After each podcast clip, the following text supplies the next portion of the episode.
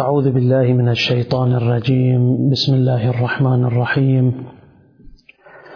وصلى الله على محمد وآله الطيبين الطاهرين المعصومين الغر الميامين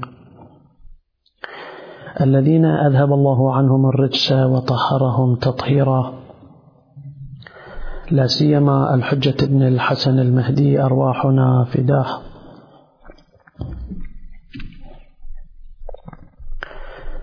قال تعالى في محكم كتابه الكريم أعوذ بالله من الشيطان الرجيم. أينما تكونوا يأتي بكم الله جميعا. صدق الله العلي العظيم. في رواية عن ثوبان قال رسول الله صلى الله عليه وآله تجيء الرايات السود من قبل المشرق كأن قلوبهم زبر الحديد. فمن سمع بهم فليأتهم فيبايعهم ولو حبوا على الثلج. هذه الآية والمصاديق الروايات سوف نتطرق إليها أكثر عن أهل البيت. هي حول علائم خصوصيات أصحاب الإمام سلام الله عليه وعليهم. في رواية عن حذيفة قال سمعت رسول الله صلى الله عليه وآله يقول إذا كان عند خروج القائم ينادي مناد من السماء أيها الناس قطع من عنكم قطع عنكم مدة الجبارين وولي أمر خير أمة محمد فألحقوا بمكة. فيخرج النجباء من مصر والأبدال من الشام وعصائب العراق رهبان بالليل. صفات أصحاب الإمام الرهبان بالليل ليوث بالنهار كأن قلوبهم زبر الحديد. فيبايعونه بين الركن والمقام.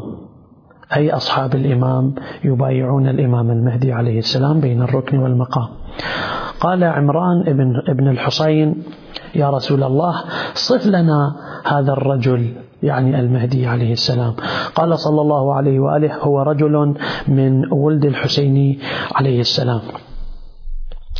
عليه عباءتان قطوانيتان اسمه اسمي. فعند ذلك أي عند الظهور. تفرخ الطيور في أوكارها والحيتان في بحارها وتمد الأنهار وتفيض العيون. هذه الخيرات أيام ظهور الإمام عليه السلام. وتنبت الأرض ضعف أكلها ثم يسير مقدمته جبرائيل وساقته وساقته إسرافيل. ثم يسير مقدمته جبرائيل وساقته إسرافيل فيملأ الأرض عدلا وقسطا كما ملئت جورا وظلما.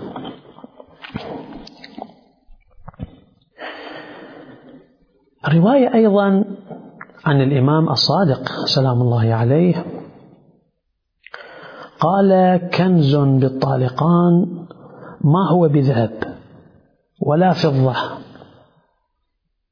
وراية لم تنشر منذ طويت الأرض. وراية لم تنشر منذ طويت ورجال كأن قلوبهم زبر الحديد لا يشوبها شك في ذات الله. هكذا مؤمنين يكونون من أشد الإيمان بالله يعني أصحاب الإمام لا يشوبها شك في ذات الله أشد من الحجر. لو حملوا على الجبال لأزالوها. لا يقصدون براياتهم بلدة إلا خربوها أو خربوها كأن على خيولهم العقبان يتمسحون بسرج الإمام عليه السلام. يطلبون بذلك البركة. ويحفون به يقونه بأنفسهم يقونه بأنفسهم في الحروب ويكفونه ما يريد. فيهم رجال أي أصحاب الإمام فيهم رجال لا ينامون الليل لهم دوي في صلاتهم كدوي النحل. يبيتون قياما على أطرافهم ويصبحون على خيولهم. رهبان بالليل ليوث بالنهار. هم أطوع له من الأمة إلى سيدها أو من الأمة لسيدها كالمصابيح كأن قلوبهم القناديل وهم من خشية الله مشفقون. يدعون بالشهادة ويتمنون أو يتمنون أن يقتلوا في سبيل الله. شعارهم يا لثارات الحسين. إذا ساروا يسير الرعب أمامهم مسيرة شهر. يمشون إلى المولى إرسالا بهم. ينصر الله إمام الحق. في روايات أخرى تشهد في هذا المقام في خصوصيات أصحاب الإمام المهدي عليه السلام. وأيضا كما عن الصادق عليه السلام فإن الرجل منهم هذه أيضا من خصوصياتهم فإن الرجل منهم يعطى قوة أربعين رجلا وإن قلبه لأشد من زبر الحديد. ولو مروا بجبال الحديد لقطعوها. لا يكفون سيوفهم. يعني ما يغمدوها في أماكن حتى يرضى الله عز وجل. ما يتوقفون عن القتال والحرب حتى يرضى الله عز وجل. رواية أخرى عن الإمام الباقر سلام الله عليه أبو جعفر عليه السلام يقول لكأني أنظر إليهم مصعدين من نجف الكوفة ثلاثمائة وبضعة عشر رجلا. كأن قلوبهم زبر الحديد. جبرائيل عن يمينه أي الإمام. جبرائيل عن يمينه وميكائيل عن يساره. يسير الرعب أمامه شهر. وخلفه شهر يعني قبل ما يوصل للفتوحات الإمام قبل ما يوصل للمنطقة وبعد ما يمر الإمام منها. قبله وبعده. يسير الرعب أمامه شهرا وخلفه شهرا. أمده الله بخمسة آلاف من الملائكة مسومين يعني تنزل من ضمن جيوش المهدي عليه السلام ملائكة. وفي روايات أخرى أنه في معسكره أيضا جيوش من الجن من الإنس ومن الملائكة. كما كان لبعض الأنبياء هنالك ولعله كان إدريس. كان عنده من الجيوش من العساكر من الجنود بين يديه من الملائكة والناس كانوا يرونهم أيضا. وعنه عليه السلام قال كأني أنظر إلى القائم عليه السلام وأصحابه في نجف الكوفة كأن على رؤوسهم الطير. قد فنيت أزوادهم وخلقت ثيابهم من كثر العبادة والطاعة والصلاة. ثيابهم تتمزق ثيابهم تعبانة من السجود والصلاة. إذا يحيون الليل كله بالعبادة والنهار في سبيل الله كيف لا تبلى ثيابهم؟ قد أثر السجود بجباههم ليوث بالنهار رهبان بالليل كأن قلوبهم زبر الحديد يعطى الرجل منهم قوة أربعين رجلا لا يقتل أحدا منهم إلا كافر أو منافق. إذا كانوا بالليل يقضوها بالعبادة وبالنهار في القتال فأين الراحة؟ أين الأكل؟ إذا هذه الطاقات اللي يحملوها أصحاب الإمام. ليس هو من التمرين والتدريب والطعام والمداراة لا بل هي حقيقة أي القوة المعنية هي قوة الإيمان والنشاط والاعتقاد بالولاية ولاية المهدي عليه السلام وأهل البيت والإيمان المطلق بالوحدانية وبالله رب العالمين. قال أبو عبد الله عليه السلام أيضا كأني بالقائم على ظهر النجف. لبس درع رسول الله لبس درع رسول الله صلى الله عليه وآله وسلم. تتقلص عليه ثم ينتفض بها فتستدير عليه ثم يغشي بثوب استبرق ثم يركب فرسا له أبلق. بين عينيه شمراخ هذه من آيات الإمام من علائم ظهور الإمام. كيف يظهر وبأي علامة وبأي هيبة سيكون الإمام. ينتفض به حتى لا يبقى أهل له إلا أتاهم بين ذلك الشمراخ.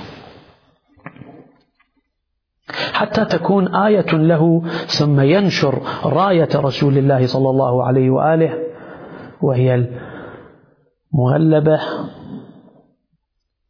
عودها من عهد غرس من عهد غرسه الله. عودها من عهد غرس الله. وسيرها من نصر الله.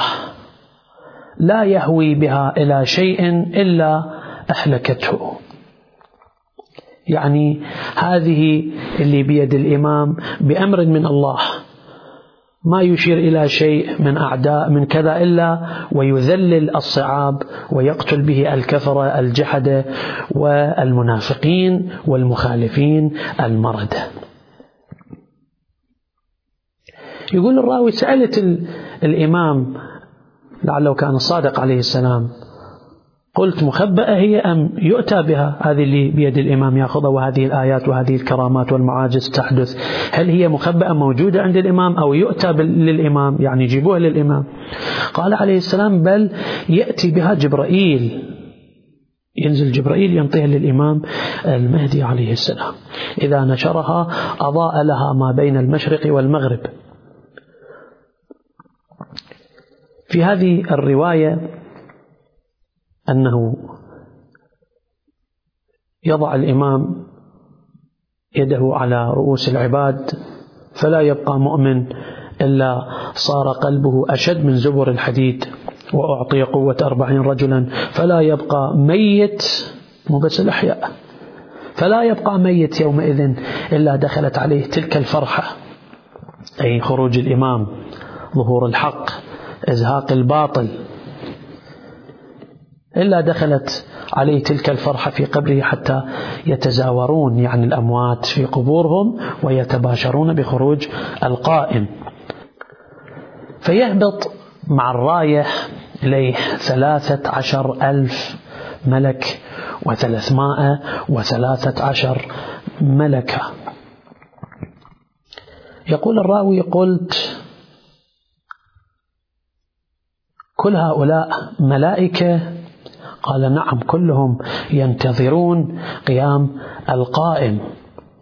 الذين كانوا مع نوح في السفينة دول كلهم ينتظرون متى المفرج ومتى المصلح يظهر. هؤلاء نفسهم اللي الإمام يشرح يقول كانوا مع نوح في السفينة والذين كانوا مع موسى حين فلق البحر والذين كانوا مع عيسى حيث رفعه الله. وألف مع النبي مسومين وألف مردفين وثلاثمائة وثلاثة عشر كانوا مع النبي يوم بدر وأربعة آلاف هبطوا إلى الأرض ليقاتلوا مع الحسين كما في الروايات. فلم يؤذن أو فلم يأذن الحسين سلام الله عليه لهم. فرجعوا في الاستمار فهبطوا وقد قتل الحسين سلام الله عليه. فهم شعث. عليهم ذلك الغبار. عليهم ذلك الغبار يوم عاشوراء. فهم عند قبره يبكون إلى يوم القيامة. وما بين قبر الحسين إلى السماء مختلف الملائكة.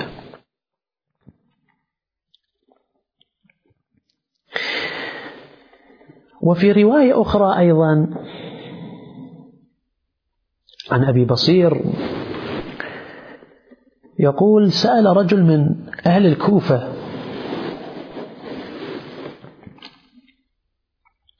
سأل الإمام الصادق سلام الله عليه.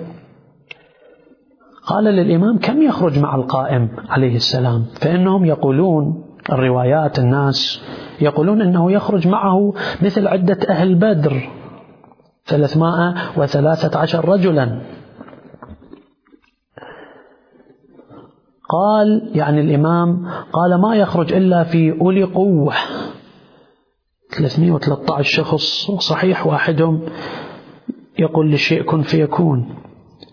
صحيح هم من المختارون من المختارين على وجه الأرض ولكن يكون أولو قوة لا يكون أولو قوة أقل من عشرة آلاف. يعني هؤلاء الله سبحانه وتعالى يختار من ثلاثمائة وثلاثة عشر. شخص من أصحاب الإمام ولكن أيضا من حلقات أخرى من المتدينين من أصحاب الإمام يلتحقون بالإمام وذكرنا سالفا. عن أبي جعفر عليه السلام قال دخلنا عليه جماعة عن أبي جعفر عليه السلام لما دخلوا عليه جماعة يقول الراوي فقلنا يا ابن رسول الله إنا نريد العراق فأوصنا.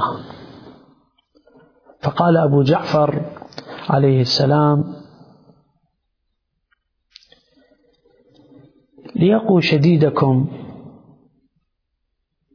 ليقوي شديدكم ضعيفكم وليعد غنيكم على فقيركم. ولا تبثوا سرنا ولا تذيعوا أمرنا. وإذا جاءكم عنا حديث فوجدتم عليه شاهدا أو شاهدين من كتاب الله فخذوا به. وإلا فقفوا عنده ثم ردوه إلينا حتى يستبين لكم. واعلموا أن المنتظر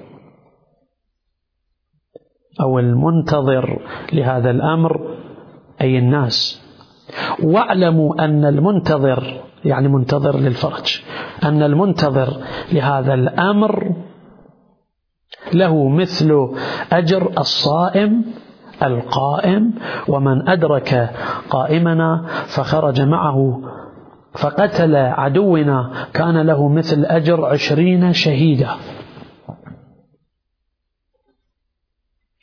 ومن قتل مع قائمنا كان له مثل أجر خمسة وعشرين شهيدا.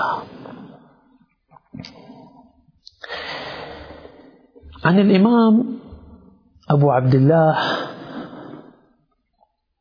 الصادق عليه السلام يقول في هذه الآية الكريمة هي نزلت في المفتقدين من أصحاب القائم عليه السلام وهو قوله عز وجل وهذه كلها شواهد من أئمتنا عليهم السلام. أينما تكونوا يأتي بكم الله جميعا. إنهم لمفتقدون عن فرشهم ليلا فيصبحون بمكة يعني نايم على فراشه فيجد نفسه صباح ذلك اليوم اللي يقرر سبحانه وتعالى فيه ظهور المهدي عليه السلام يجدون أنفسهم بمكة. لمفتقدون عن فرشهم ليلا فيصبحون بمكة وبعضهم يسير في السحاب نهارا. يسير في السحاب.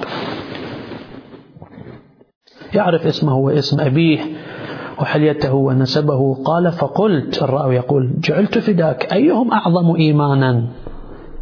أكو ناس طي الأرض أكو ناس كذا وأكو ناس يسيرون في السحاب أيهم أفضل من أصحاب الإمام في ساعة واحدة يكونون كلهم في مكة؟ قال الذي يسير في السحاب نهارا. هذا اللي يسير في السحاب هذا أعظم درجة وأقرب للإمام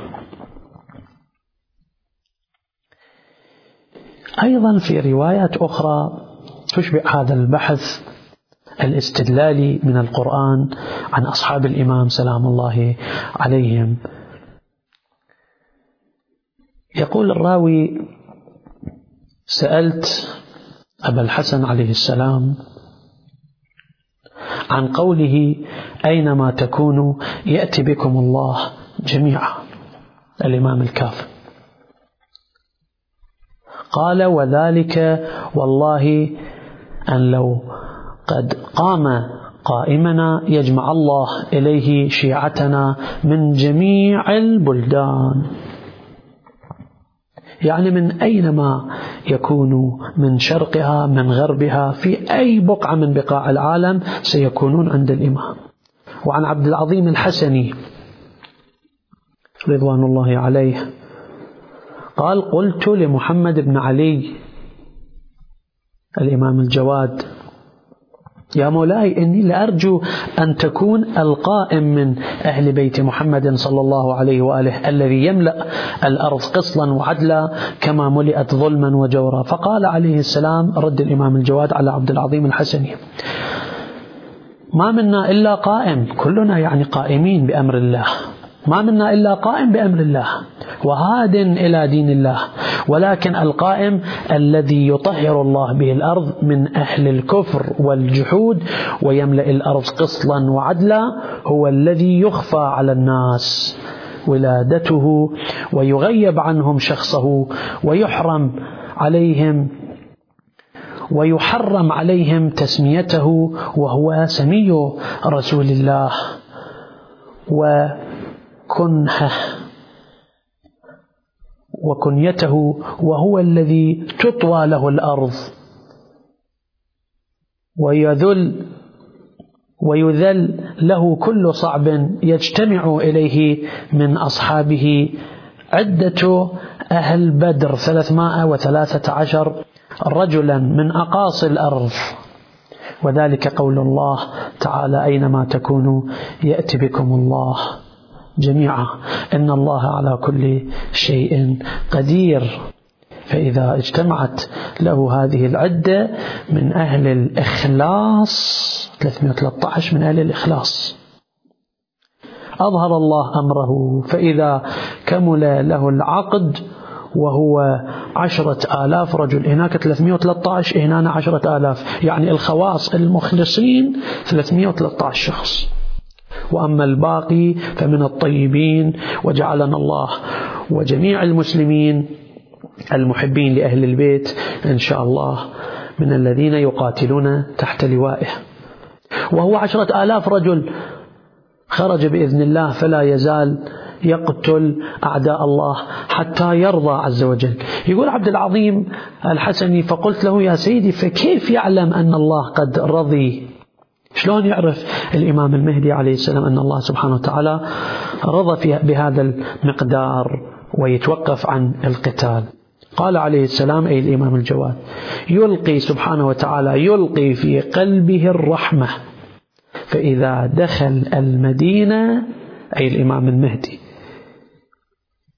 فإذا دخل المدينة أخرج اللات والعزى فأحرقهما. أعداء أهل البيت.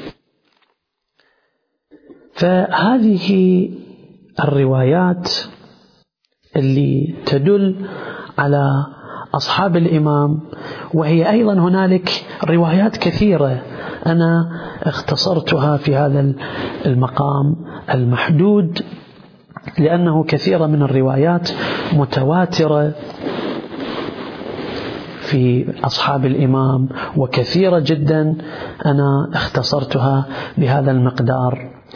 وفي روايات أخرى أيضا تقول من هؤلاء أصحاب الإمام ذكرنا عشرة آلاف ثلاثمائة وثلاثة عشر هم أصحاب الإمام. يأتون بعد ذلك خمسين امرأة أيضا يشكلون جيش الإمام. عندنا خواص من أصحاب الإمام. اللي هم 313 شخص. المشاهدين لازم إن شاء الله اللي يحب مطالعة أكثر من ذلك ويتبحر أكثر في خصوصيات الإمام وأصحابه عليهم السلام.